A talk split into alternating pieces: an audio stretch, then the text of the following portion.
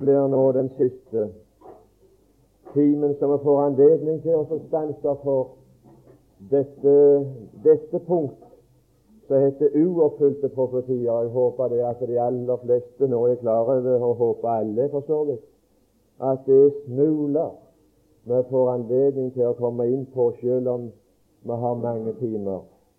Og jeg har lyst til å si det, du får meg for hva du vil.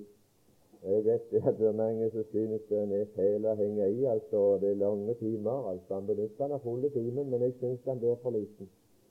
Så jeg skulle ønske det at jeg hadde to.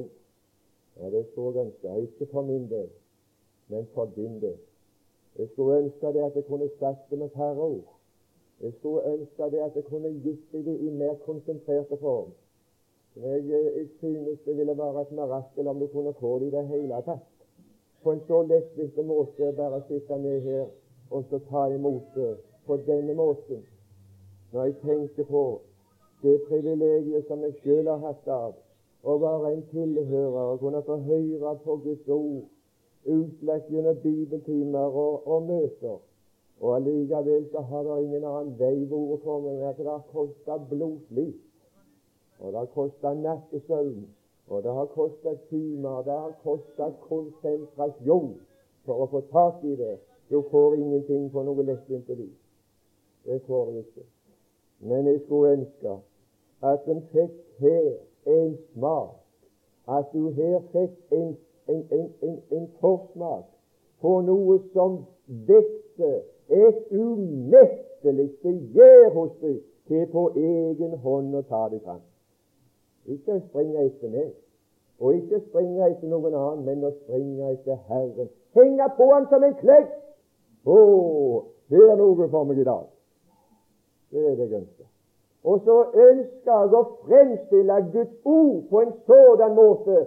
Her er noe som du går glipp av hvis du ikke henger på som en klegg. Og det nytter ikke å gå på møter. Det nytter ikke på den måten. Det nytter ikke om du går på alle bibeltimer og leser alle slags bøker. Det går bare på én måte å bli grepen av Han og henge på her. Å, men det går seint. Det er en øvelse. Du verden så seint det går for de som skal øve seg opp til idrettsmenn. Det er ikke så stor forandring for musklene den ene dagen til den andre om de, om de øver og trener men det skjer en forandring. Du må ikke miste motet for det om du ikke klarer dette. Å kunne tilegne deg dette stoffet første gangen du hører det. Men det er litt å komme inn. Du er ikke det samme når du reiser hjem fra dette kurset som når du kom. Du har øst deg i gudsfrykt. Det er noen muskler som blir sterkere uten du vet. Men å, om du skulle ha fått en sånn tanke, dette vil jeg fortsette med.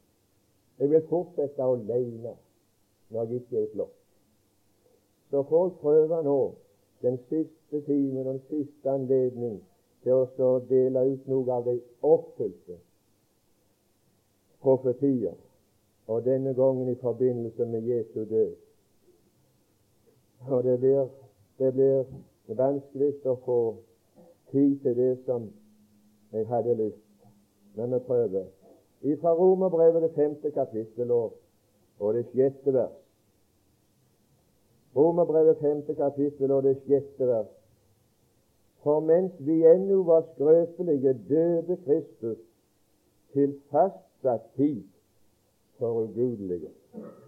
Og Det første som jeg da har lyst til å gjøre oppmerksom på, som er oppfylt i forbindelse med Kristi død, første punkt, det er at Kristus ikke bare døde, men når han døde, så døde han til fastsatt tid til fastsatt tidspunkt. Og det var ingen, ingen tilfeldigheter med i spillet med Jesu liv. Hans liv det var en oppfyllelse av det som var forutskrevet. Hans død var en oppfyllelse av det som var forutskrevet. Og så var det til fastsatt tid. Og den første tid som Første gang, eller så Gud konsentrerte den tidspunktet som Jesus skulle dø på, og gjorde oss kjent med det. Det var fastsatt i evighet, men han gjorde det kjent gjennom det profetiske ord. Og da gjorde han det kjent han skal dø på den 14. Nisan. Det var til fastsatt tid. Og nå hadde vi her i formiddag at palmesøndag, det var den dagen han rei inn. Mandagen så leste vi om at han holdt disse svære talene. To dager etter det så var det den 14. nisan, og han kom bare til onsdag. Og det var på en onsdag, den 14. nisan, han døde. Vi skal komme nærmere inn på det. Det var slett ikke på langfredag, men det var på en onsdag. Han døde når det hella mot kveld.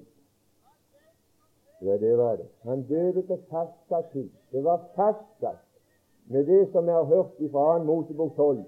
Han var påskelammet som skulle slaktes på den 14. nisan. Og han døde på den 14. nisan. Du kan være ganske sikker. Og for å ha et ord for dette er veldig kjent for mange. Men i 1. Korintiabrev 5, det 7. vers, der er det sagt av Den hellige ånd at vår påskeland er slaktet, og det er Kristus. Og dermed så er han ikke bare død, men han døde til fastsatt tid. Å, men det er noe betryggende for meg å få rede på dette, at når han døde den 14., så døde han til fastsatt tid. Jeg er ikke fornøyd med at han døde på en fredag. Og langt ifra. Jeg er ikke fornøyd med det. Jeg har i Jesus funnet, og i Jesu død har jeg funnet Han som Moses har skrevet om. Det er det som gjør det så betryggende med Jesus. Han svarer til billedene. Det var en annen, ikke bare at det var dagen, og at det var månen, men årstallet var til fastsatt tid. Du store min, var årtallet fastsatt? Ja visst var det det. Og Det har vi forut forkynt i Daniels bok, det niende kapittel, og det 25. vers som vi har vært inne på i formiddag. Der sto det at det skulle gå det skulle gå 483 år ifra bud om å gjenreise Jerusalem inntil en salvet, en fyrste, sto fram. Og han kom på palmesøndag og rei inn i Jerusalem og ble proklamert. Dette er jødenes konge. Og da sa han dette på denne din dag. Om du visste om en først på denne din dag. Det var, det var i år 32, det. For ifra det årstallet Du kan ha, gjenta det årstallet, så har, så har du det. I år 400 i Skal vi se I 14. mars i år 445 før Kristus 14. mars 445 år før Kristi komme. Da var det budet utgikk om å gjenreise Jerusalem. Det er et historisk tidspunkt som også er stadfestet den profane historie, verdenshistorie. Den 14. nisan. Og inntil Jesus rei inn i Jerusalem, så gikk det nøyaktig 483 år Dermed kom du til år 32. Så det året som Jesus rei inn i Jerusalem, det var i år 32. Og så sto det i profeten Daniel at etterpå palmesøndag, etter at han kom inn og ble proklamert som jødens konge, så skal han forkastes og intet rike ha. Å, det er det vi leser om. Han døde til fastsatt tid. 14. nisan i år 32. Da døde han. Det var ingen tilfeldigheter meg selv. Men jeg tror ikke på Jesu død. Det tror alle på. Det er ingen frelse i å tro på Jesu død. Men det er frelse i å tro på at Jesus døde etter slektene. Det var frelse. Og bare det. Det var frelse. Og det er noe mer som jeg vil ha med. Offer en tillit i givet. Den andre tingen som jeg vil gjøre oppmerksom på, så er oppfylt Han Kristus døde på fastsatt sted. Det var ikke bare tidspunktet som var bestemt, men stedet hvor han skulle dø, var fastsatt tidlig i Bibelen. Å, jeg har funnet han som døde, som således som Moses hadde foreskrevet. Hadde Moses rede på det? Hvor hadde han den visdommen ifra? Ifra Egypten, han gikk på universitetet der. Å, Moses, han var en profet som talte ufeilbarlige ord og så forutsa ting som har skjedd. Det er grunn for å tro på Bibelen. Det er det. Det er fordi at det har bevist seg selv å være sant. Fastsatt sted. Vi kan lese om stedet først i Johannes 19. Og det 17. vers. Johannes evangeliet, det 19. kapittel og det 17. vers. Så står det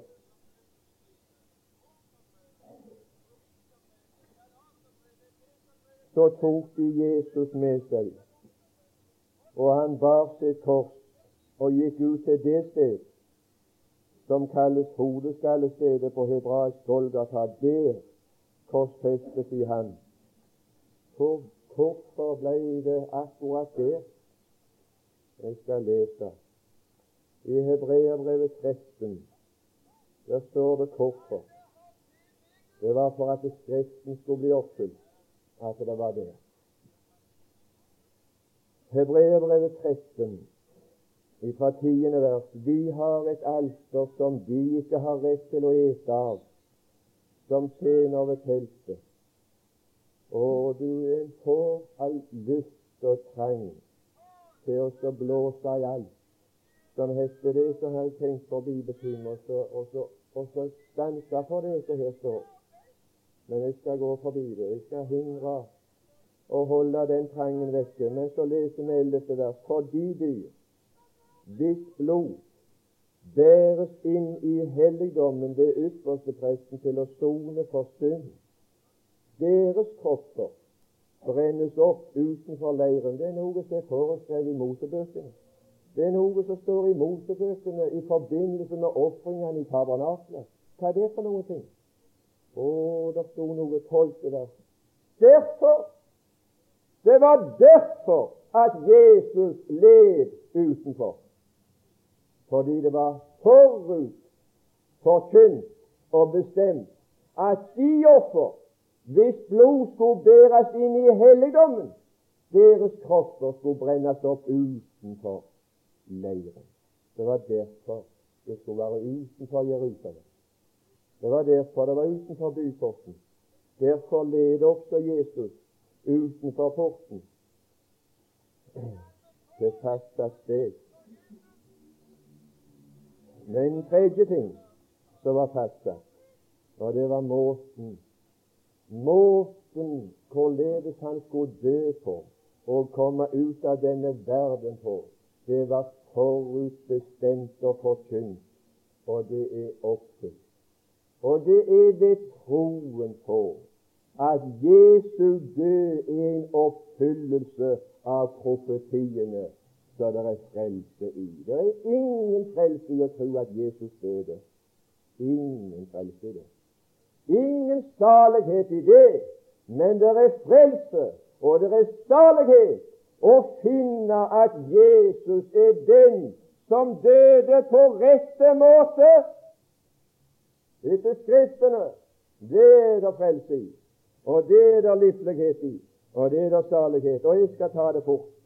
Og jeg skal gå skal bare nevne noen av de bestemte deler i måten for hans død som var forut profetert, og som gikk i oppfyllelse. Første delen han skulle korsfestes. Det var skrevet i Femte Mosebok, det 21. kapittel, det 22. og 23. vers. Femte Mosebok, 21, 22 og 23 vers. Men der var det noe som jeg har hørt her i en time av Aurebekk før. Oh, men det gikk, det gikk mer opp for meg når jeg satt her og hørte. Der står det en mann som gjør seg skyldig i, ei slik synd så det var dødsstraff for, han skal de slå i hjel. Og deretter, etterpå de har slått han i hjel, så skal de henge han på et tre. Etterpå de har avlivet han. Eh, John sa her i en time at Gud tillot ikke et land og et dyr å bli stekt før det død. Han lot det dø før, og så stekte de dette på. Gud tillot ikke i sin lovgivning at noen mennesker skulle henges og pines før de døde. Men han sa de skal avlive dem, så, så skal det henge dem. Men her er det en som svarer og har oppfylt dette i omvendt orden. Han avlivet dem ikke først, og så hengte han på et tre. Men han hengte dem på et tre først. Og han gjennomlevde det å bli stekt mens han var levende. Og deretter ble han avlivet. Han ble korsfesta fordi at Skriften skulle oppfylles.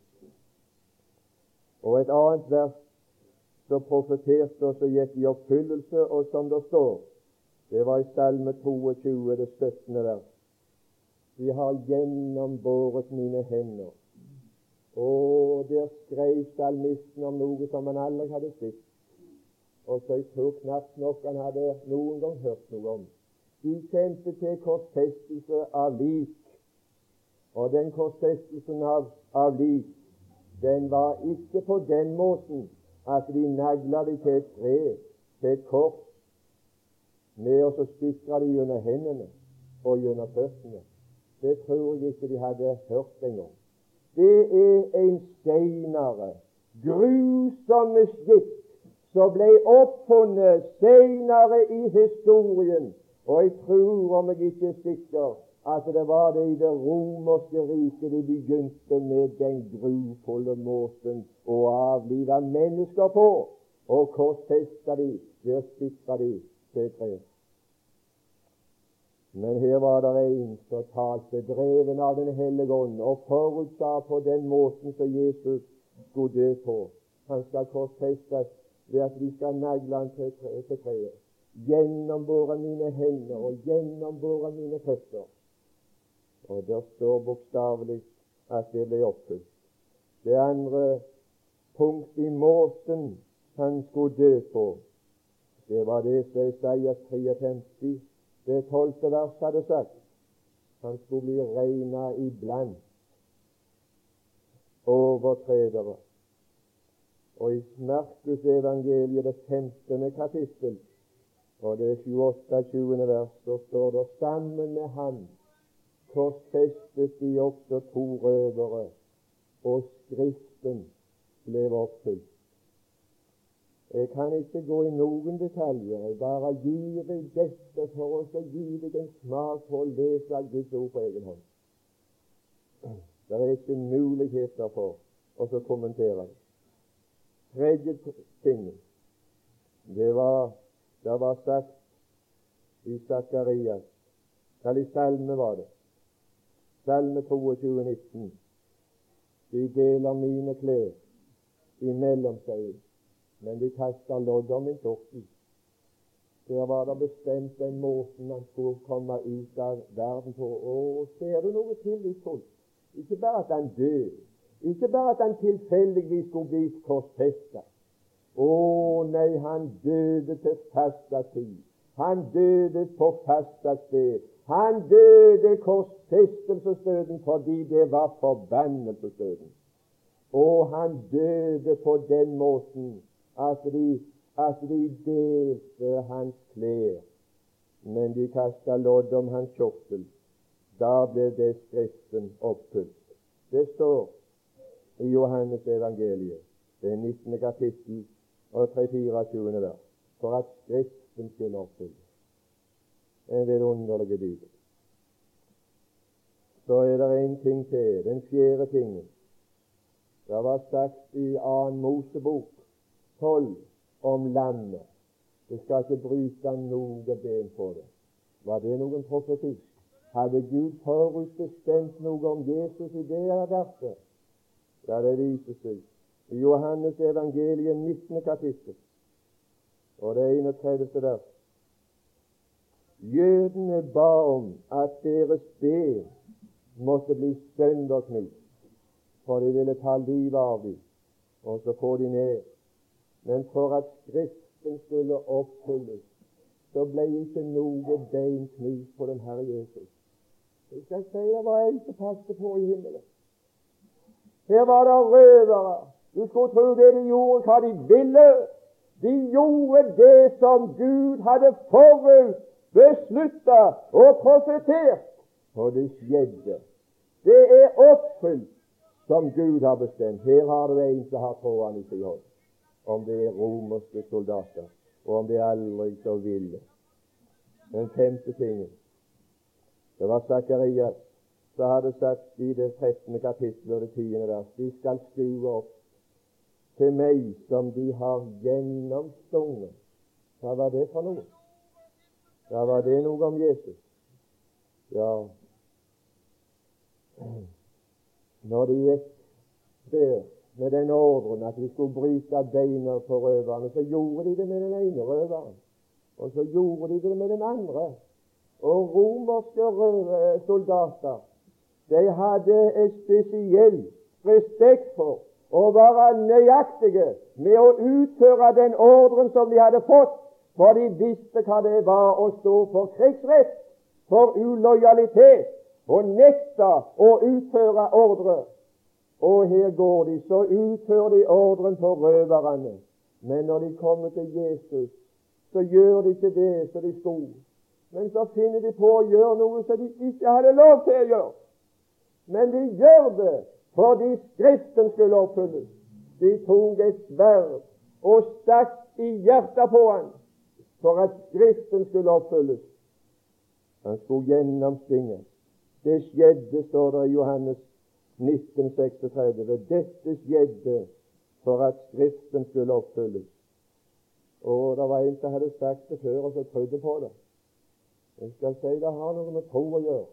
I Lukas 2, 35 der Og også din sjel skal et sverd gjennomstinge. Men det er noe annet som er mer Det er mer enn det at vi skal se til ved Jesu død, oppfylte profetier i forbindelse med Jesu død. Og det som er det mest dyrebare for meg nå, som jeg skal gå fort forbi, for vi tror vi har fått, vi har fått det fremstilt mer enn vi kan bære med oss hjem i de timene som han Jonna gikk oss om landet. Men når Kristus døde, så var det forutbestemt om dødsårsaken. Årsaken Han døde av bestemte årsak.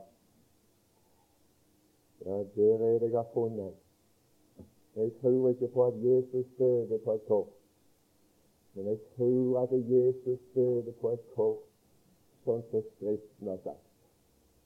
Og jeg tror at Jesus døde på korset av den årsak som Skriften har sagt men for å hjelpe på min tvil og min skepsis, så har Gud stilt fram en skare av vitner. Så vitnene stemmer overens. Og du verden, det er flotte saker når Gud kaller en vitner. Den ene vitnet forsterker det andre. Til slutt sitter du igjen med overbevis. Overbevisning. Har du lyst på overbevise? Har du lyst til å være så overbevist at det er ikke snugg av tvil du kan med sikkerhet avsi din mening i den saken. Jeg er sikker. Og konklusjonen av alt jeg har hørt Jeg vet hvorfor du Jesus død. Ja, det skulle jeg håpe. Jeg skal ta de fort. Vitnene som forteller litt om de årsaker han ikke døde for. Pilatus han eh, hadde Jesus til forhør. Det var den høyeste myndighet og øvrighet som han ble stilt under forhør under for å finne ut noe å dømme han for. For de ville ha han dømt, men det var så vanskelig å få noe på han. Og så fikk de han fram for domstolen, og så skulle Pilatus forhøre han. Og ved det første forhør han tok han inn, og så hadde han for seg sjøl, og hvorledes det var. Det, det vet jeg ikke. Jeg vet ikke hva slags metoder Pilatus brukte på den Herre Jesus når han forhørte han første gangen. Men jeg vet hva Pilatus sa når han kom ut etter første forhør. Og så sa han Jeg har ikke funnet denne mann skyldige i noe av det som dere anklager han for. Det var resultatet etter første forhør. Var ikke det fint? Var ikke det nok? Nei, det var ikke nok. Jeg er ikke fornøyd med det. Om ikke Pilatus kunne finne han skyldig i det som de anklaget han for Han kunne jo være skyldig i noe som de ikke hadde anklaget han for. Å nei, Gud var ikke fornøyd med det. Inn igjen, Pilatus til annengrads forhør. Du får gå nøyere til verks. Og så gikk han inn, og så kom han ut igjen. Jeg har skriftsteden her. Det er Lukas evangeliet, 23. kapittel og det 14. vers. Det var det første. 23. kapittel og det 22. vers. Der står Jeg har ikke funnet noen dødsskyld hos denne mann. Var ikke det fint? Skulle ikke det være tilfredsstillende Retten fant han ikke skyldige i noen stund som krevde dødsstraff. Gud var ikke fornøyd med det. Han var ikke renvasket nok av den juridiske domstol ved de to forhør. På han igjen! Og tredje grads forhør. Og så kom han ut igjen etter tredje gang. Og så sier han Jeg finner ingen skyld. Ingen skyld i denne mann. Det var vitnesbyrdet. Ingen skyld. Det var den juridiske, høyeste domstolsuttalelse. Ingen skyld. Du store min for en renvaskelse. Judas, representanten som var djevelen inkarnert, som han hadde utvalgt for å få prøve seg i denne flokken. og han hadde bruk for en djevel i denne flokken for å avlegge et vitnesbyrd om Jesu renhet. Motstanderen, Guds erkefiende, djevelen, måtte avlegge et vitnesbyrd før Judas gikk bort og hengte seg. Jeg har for oss uskyldig blod. Det er vitnesbyrdet fra helvete. Det er vitnesbyrd fra djevelens, Guds motstander, djevelen. Å, men han er reinvasket. Jeg skal si dere vitner. Jeg skal jeg, Det er en hele her. Jeg går forbi dem. Jeg vil ikke. Jeg vil ta noen andre ting. Det er ikke tid. Men jeg har lyst, når de da allikevel korsfester Domstolen hadde ingen skyld på noe. Han som forrådte han, han gjorde det kjent til de som han hadde forrådt han til. Jeg har forrådt uskyldig blod. Allikevel så korsfesta de ham. Hva ser du i det? Jeg ser det i det at de, de, de, Jesus ble myrda. Det var mord. Det var, det var det verste mord. De myrda han med vitnesbyrd og overbevisning om det er ingen skyld. Ingen skyld. Det var rå mord. Det var grusomt mord. Du verden for et mord. Og det er det mordet som himmelen anklager denne verdens befolkning for. I drepte han. Det var det Pilatus sa. Jeg skal si at sann Bibels forkynnelse er lite behagelig å høre på. Den er det en grufull anklage i. Det var i som drepte han. Han drepte i det hengte han på et kors. Å, det er noe som kommer. Det er noe som venter denne verden på grunn av mordet. For mordere i Norge, de får den strengeste straff. Og mordere i andre land får dødsstraff. Og mordere i Bibelen får dødsstraff. Og de som har myrda Guds sønn, de får dødsstraff. Du kan være sikker. Men det kan du være sikker om. Men uh, han ble ikke bare forlatt av mennesker. Hvorfor ble han forlatt av mennesker? Hvorfor behandla de ham når han var uskyldig, når de visste det? Når de visste han var uskyldig. Når de ikke kunne få noe på ham. Jeg skal fortelle deg det. Jeg skal fortelle deg også årsaken hvorfor mennesker korsfester i våre dager i sitt sinn og i sin måte å leve på det er fordi at kjødet Det er ikke bare Guds, at det ikke er Guds lov lydig, men kjødet er fiend imot Gud. Hva var det leste her? Jo, vi leste det her i Romerbrevet. Tiende, Vi leste det ikke i tiende vers, sto det. For så sant vi ble forlikt med Gud ved Hans Sønns død, da vi var fiender. Jeg skal si det ble åpenbart at det var fiender menneskene var av Gud. Men uh, det var derfor han ble forlatt av mennesker. Det var derfor de myrda ham, for det var i fiendskap imot dem. Men det andre spørsmål som jeg er mer interessert i, og mest interessert i, har du funnet svar for hvorfor han ble forlatt av Gud? Salme 22 begynner med Å, min Gud, min Gud, hvorfor har du forlatt meg? Dette dreper meg fordi de er mine fiender. Men Gud, hvorfor har du forlatt meg? Den som kommer til troen på det i evangeliet, i det om budskapet om Jesus og hans død, det er det dere er i, og bare det. Bare det! Det er ikke frelst i noe annet ved korset. Og det er det som er korsets anstøt. Og når korsets anstøt tas bort, så er kraften dette til frelse. Farlige ting. Ja, det er det. Når, uh, når Gud forlot den, så er det for det som har hørt. det skal ikke stanse for det. Jeg går forbi det, for det har vi hørt. Jeg vil bare før jeg går forbi det, påpeke at det der åpenbart og der demonstrerte og der viste Gud at han er ikke likegyldig med synd. Og han ser ikke med overbærenhet med synd. Det har han demonstrert. Å, det var for mitt, min skyld. Det var våre misgjerninger, sa han. Det var for vår skyld. Herren lot våre misgjerninger, våre alles misgjerninger, alle. Har du funnet det svar? Å nei, så forsmedelig, så vanærende for mitt vedkommende. Hvor anstøtelig det er at han ble forlatt for min skyld. Men vet du hva meg? På korset der har Gud demonstrert og vist så tydelig og klart som noen kan forlange det. Han er ikke likegyldig med syndere. Og djevelen trodde at han hadde fått Gud i ei knipe.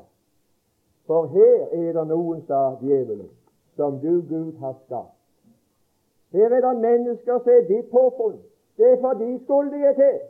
Og disse som du har skapt, har du sagt du er glad i. Du elsker dem. Det har du sagt.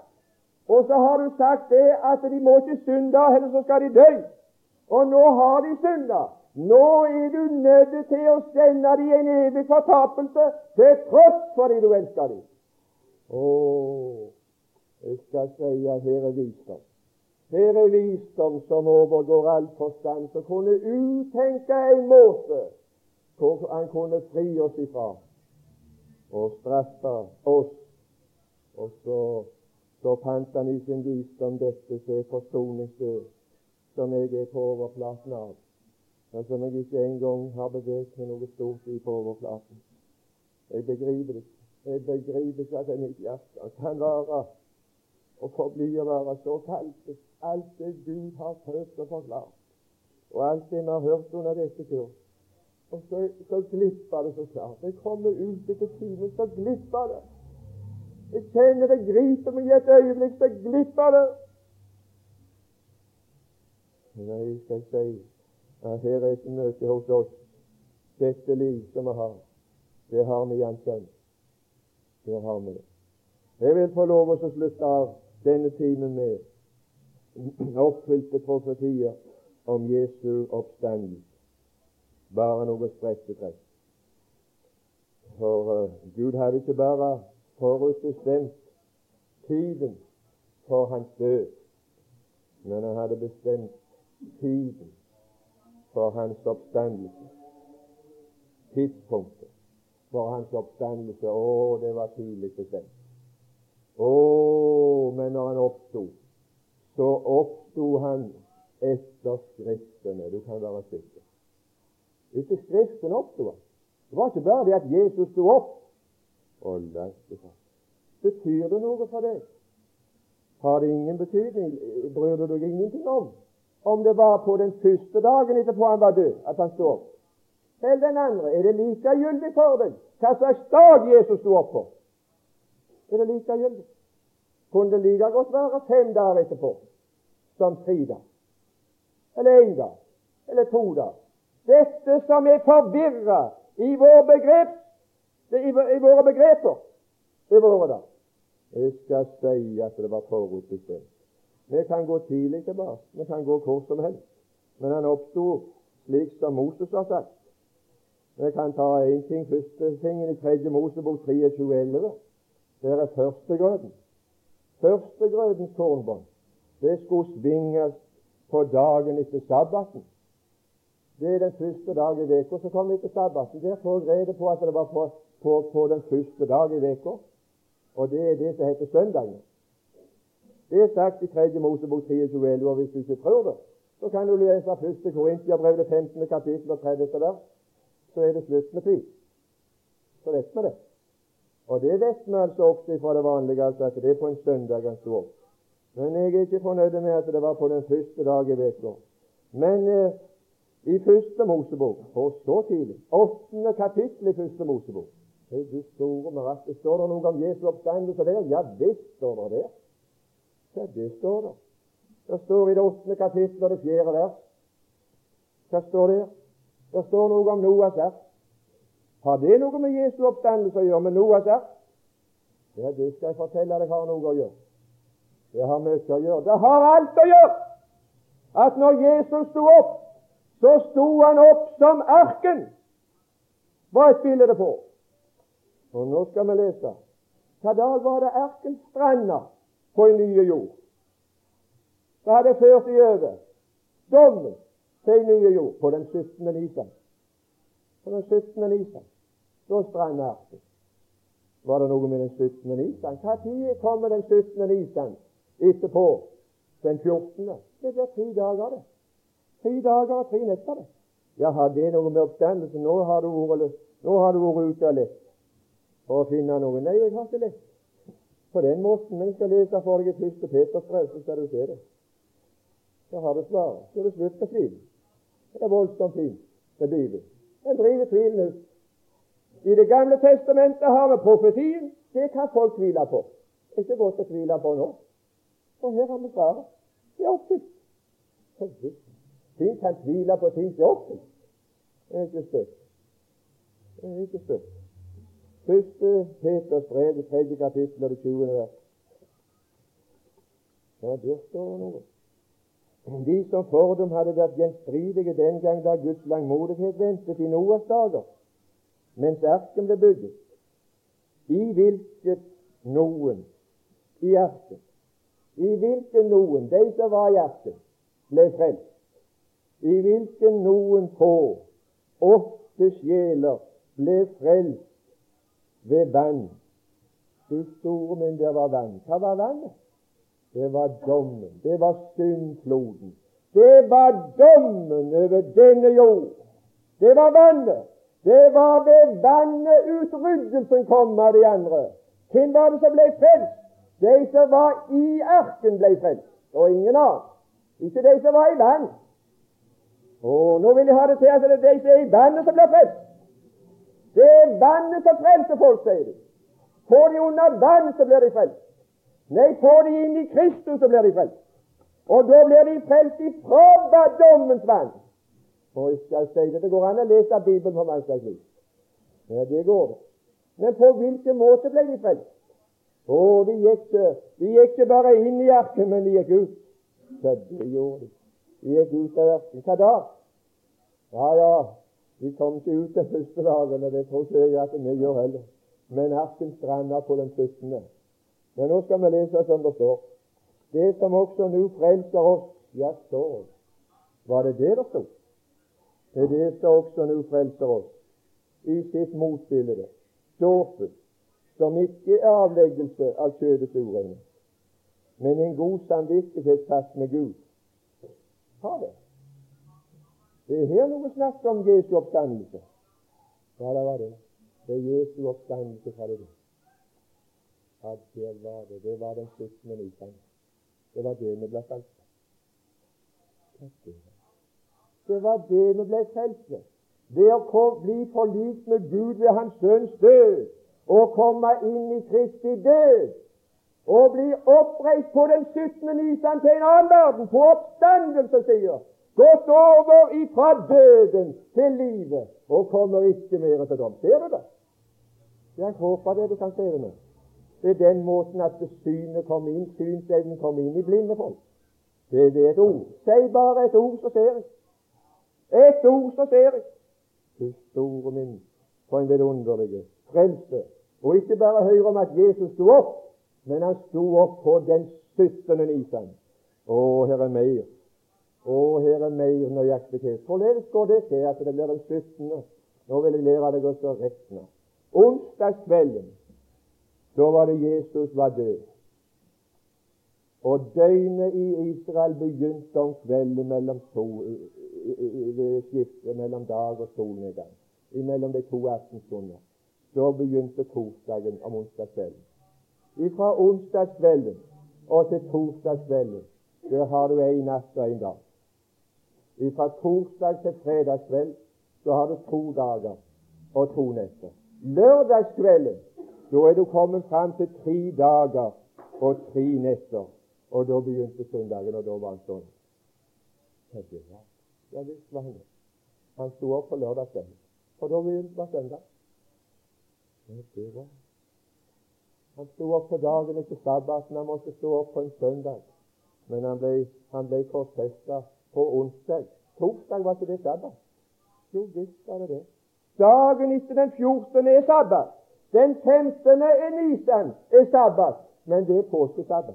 Det er ikke lørdag, det. Det blir de har ropt. De regner med at dagen etterpå Jesu død var sabbat. Men det var ikke, var ikke ukesabbaten. Men det var påskesabbaten, den 15. Og den kom ikke på lørdager alltid. Den 15. kom ikke alltid på lørdager. Og langt ifra. Dette året kom han på en torsdag. Den 15. nisan var på torsdag. Og den 17. det var lørdagen. Og søndagen det var den 18. nisan. Men da var Å, det har vi. Den nye dag. Ser du noe at det måtte være tre dager? Ja, jeg skal Hva har jeg gjort? Så ser du det at nå, må jeg, nå må jeg unngå å få ingen anledning her å gi det noe av, av det der vidunderlige med dette her. Jeg må ha et par ting til meg. Noe av det som er vederstyggen i denne der. Annen Mosebok, det tredje kapittel og 18. vers. Her sier Moses Tre dager vil vi reise ut i ørkenen for å tilbe Gud. Hvor langt har du reist? Hvor langt ifra verden har du beveget deg i din tro og tilbedelse til Gud? Tre dagsreiser. Ja, hva er det der? Hva menes det med det når Moses sier at han absolutt ville reise tre dager ut i ørkenen? Han tenkte på Jesu døde oppstand. Den tredje dag her er alltid et bilde på Jesu oppstandelse. Hvorfor skulle han tre dager ut? Jeg skal fortelle det. Jeg skal fortelle det med et annet vers. I fjerde Mosebok, det tiende kapittel og det 33. vers, så får du ligge på andre dagen om du, er, om du er fornøyd der, men da er du i sabbaten. Ja, da er du i sabbaten. Og der er det mange. For de har ikke holdt styr på de tre dagene.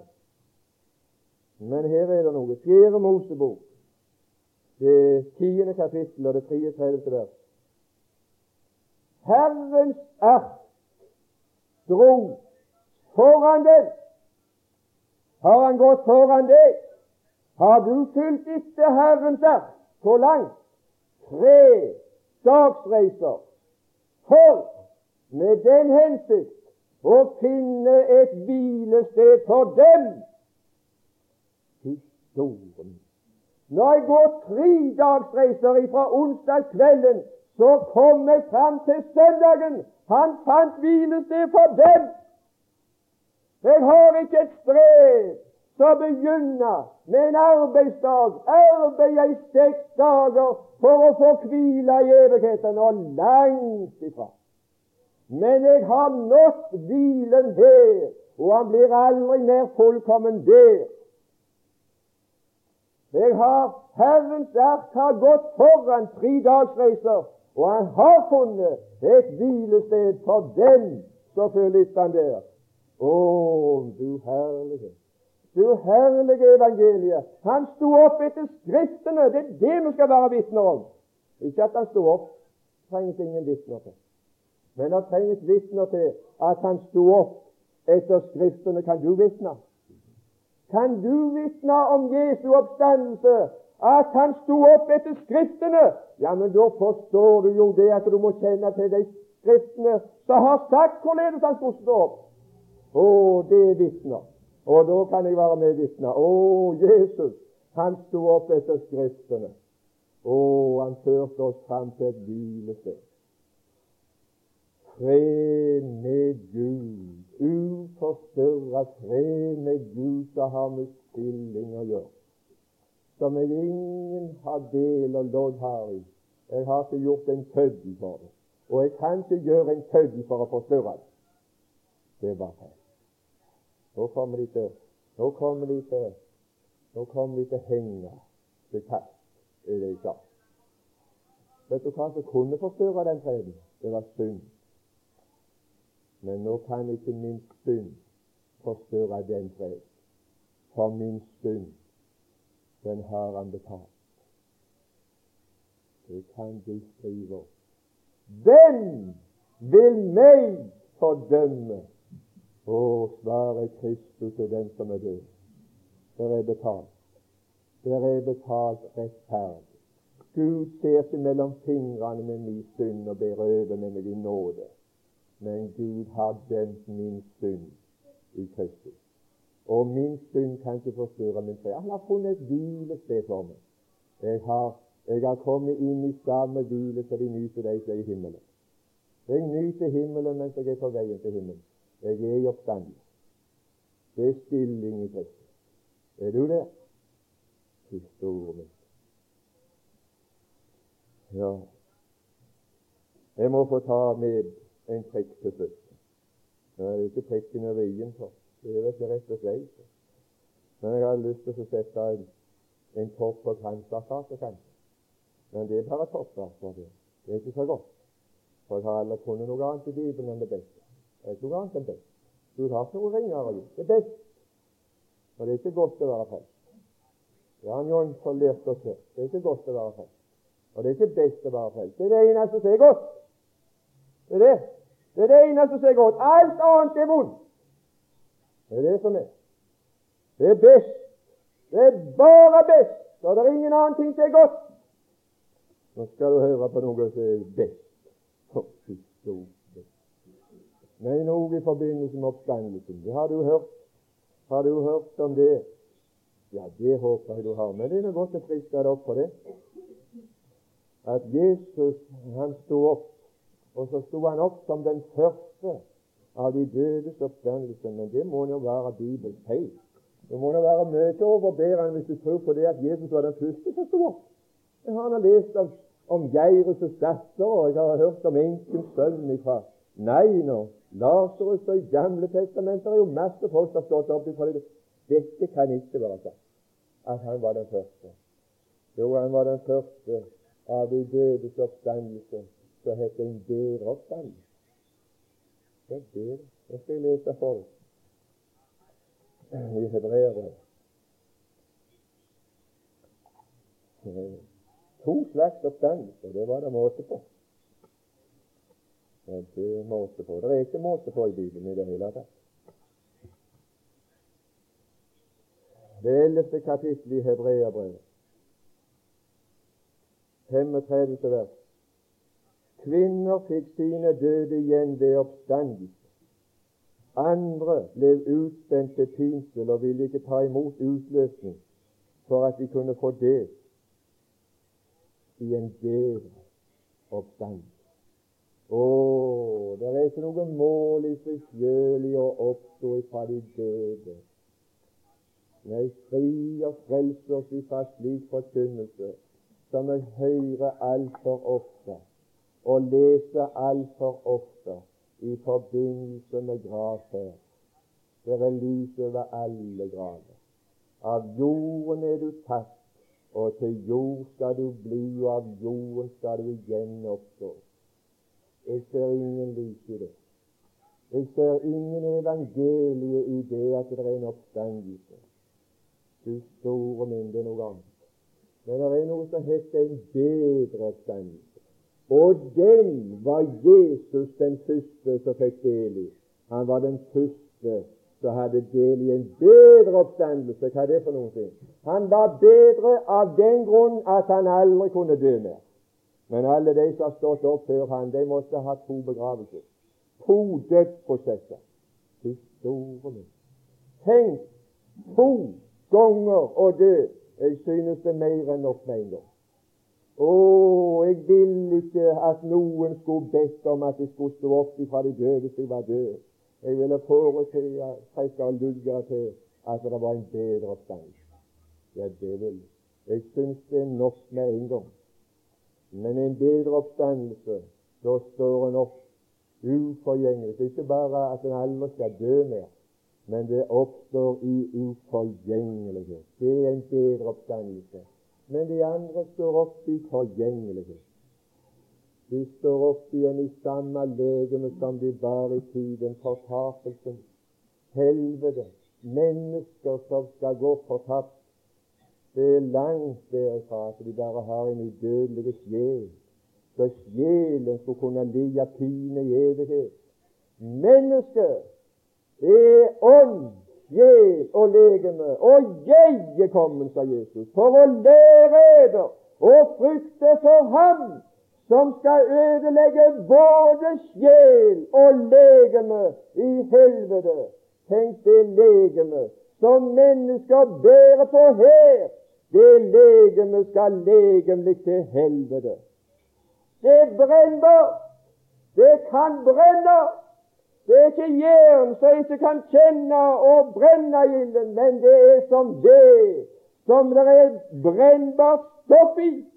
Det er ikke bare sjelen som skal kjenne Gud og brenne, men legemet, og de skal bære det i all evighet. Det er fortatthet. Og så sier det uten å grenne uten at det forgår. Det forstår du. Jeg forstår det, at jeg, at jeg skal ha et hjerte som kan snakke om disse ting uten å forgå av fortvilelse. Jeg har jo noe. Jeg har jo noe som jeg er bundet til ved blodets bånd, som ikke er frelst fra det. Jeg kunne bli spenna galen av det. Det kan det bli.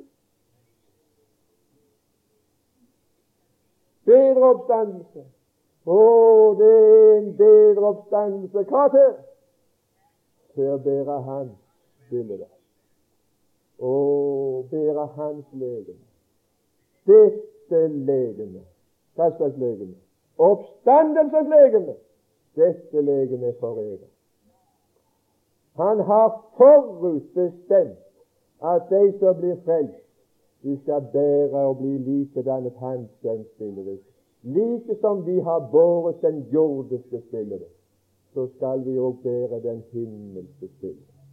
En bedre oppstandelse. Og ingen, ingen annen får del i den bedre oppstandelse. Det er bare snakk om verdighet. De som maktes verd, å få del i oppstandelsen ifra de døde oppstandelsen som heter livets oppstandelse. Det er bare snakk om verdighet. De som aktes verdige. Å, dere har det med verdighet. Hvem er det som er verdige til det? Er det noen som de fortjener seg til? Er det en fortjent verdighet? Nei, det er en uforskyldt verdighet. Hvorledes fikk jeg den? Fordi jeg er barn. Fordi jeg er Guds barn, så er jeg verdig til det og bare det. Det er bare det jeg er som Guds barn som gjør meg verdige, og som gjør meg sikker på at jeg blir med i den bedre oppstandelse. Det er nemlig verdighet med det. å bli frelst. Det er ikke å bli frelst av nåde å gå her som en skamløs synder som går bare benådet. Du har ikke lært hva nåde er, det. Jeg håper det at dette kurset har lært deg ta oppreisningen. Herren gir nåde pluss Han stanser ikke der. Han tar aldri en synder, og så gir han nåde, og så lar han gå der forakta, og lar han bli der, og langt ifra. Han gir nåde med å forlate synd og glemme synd, og ære oppreisning. I plassen for å være der, så blir jeg en verdig person. Han løfter meg opp til den høyeste stilling. Han som elsket oss og gav seg selv for oss, og har gjort oss til prester for Gud. Kan vi se den verdige stillingen? De som maktes verdige. Det er Guds barn. Det er verdighet. Det er den som gir meg verdighet. Det er ikke det jeg gjør. Å, det gir meg ingen verdighet. Men det er det jeg er. Og jeg kan ikke finne noen noen ting som er så mektig til å fornye meg i mitt åndsliv som en kristen, som å huske på hva jeg er. Å, det var noe som jeg hørte når jeg var barn. Når de sendte meg ut hjemme, så sa de Kom nå på hvem som eier det. Kom nå på hvem du er. Du må ikke være med på hva som helst. For det går tilbake for oss. Du må ikke være med på hva som helst. Husk hvem du er. Husk på den verdighet som det er i det du er. Fader, i Kristus Jesus. Vi, vi forsøker å samle vårt sinn i en takknemlighet. Det er vanskelig, ser du. Det er, det er kondemnert død. Det er umulig å få det med. Jeg er. Jeg føler bare på lamhet. Og jeg vil hengi meg til det. Jeg nekter å følge med det som du har gitt meg i min ånd. Føde. Det er kjempa imot. Men Herre Jesus, du kjenner det innerst i hjertets dyp av takknemlighet. Og hvilken lykke og deg tilhører. Takk at også jeg fikk være med. Amen.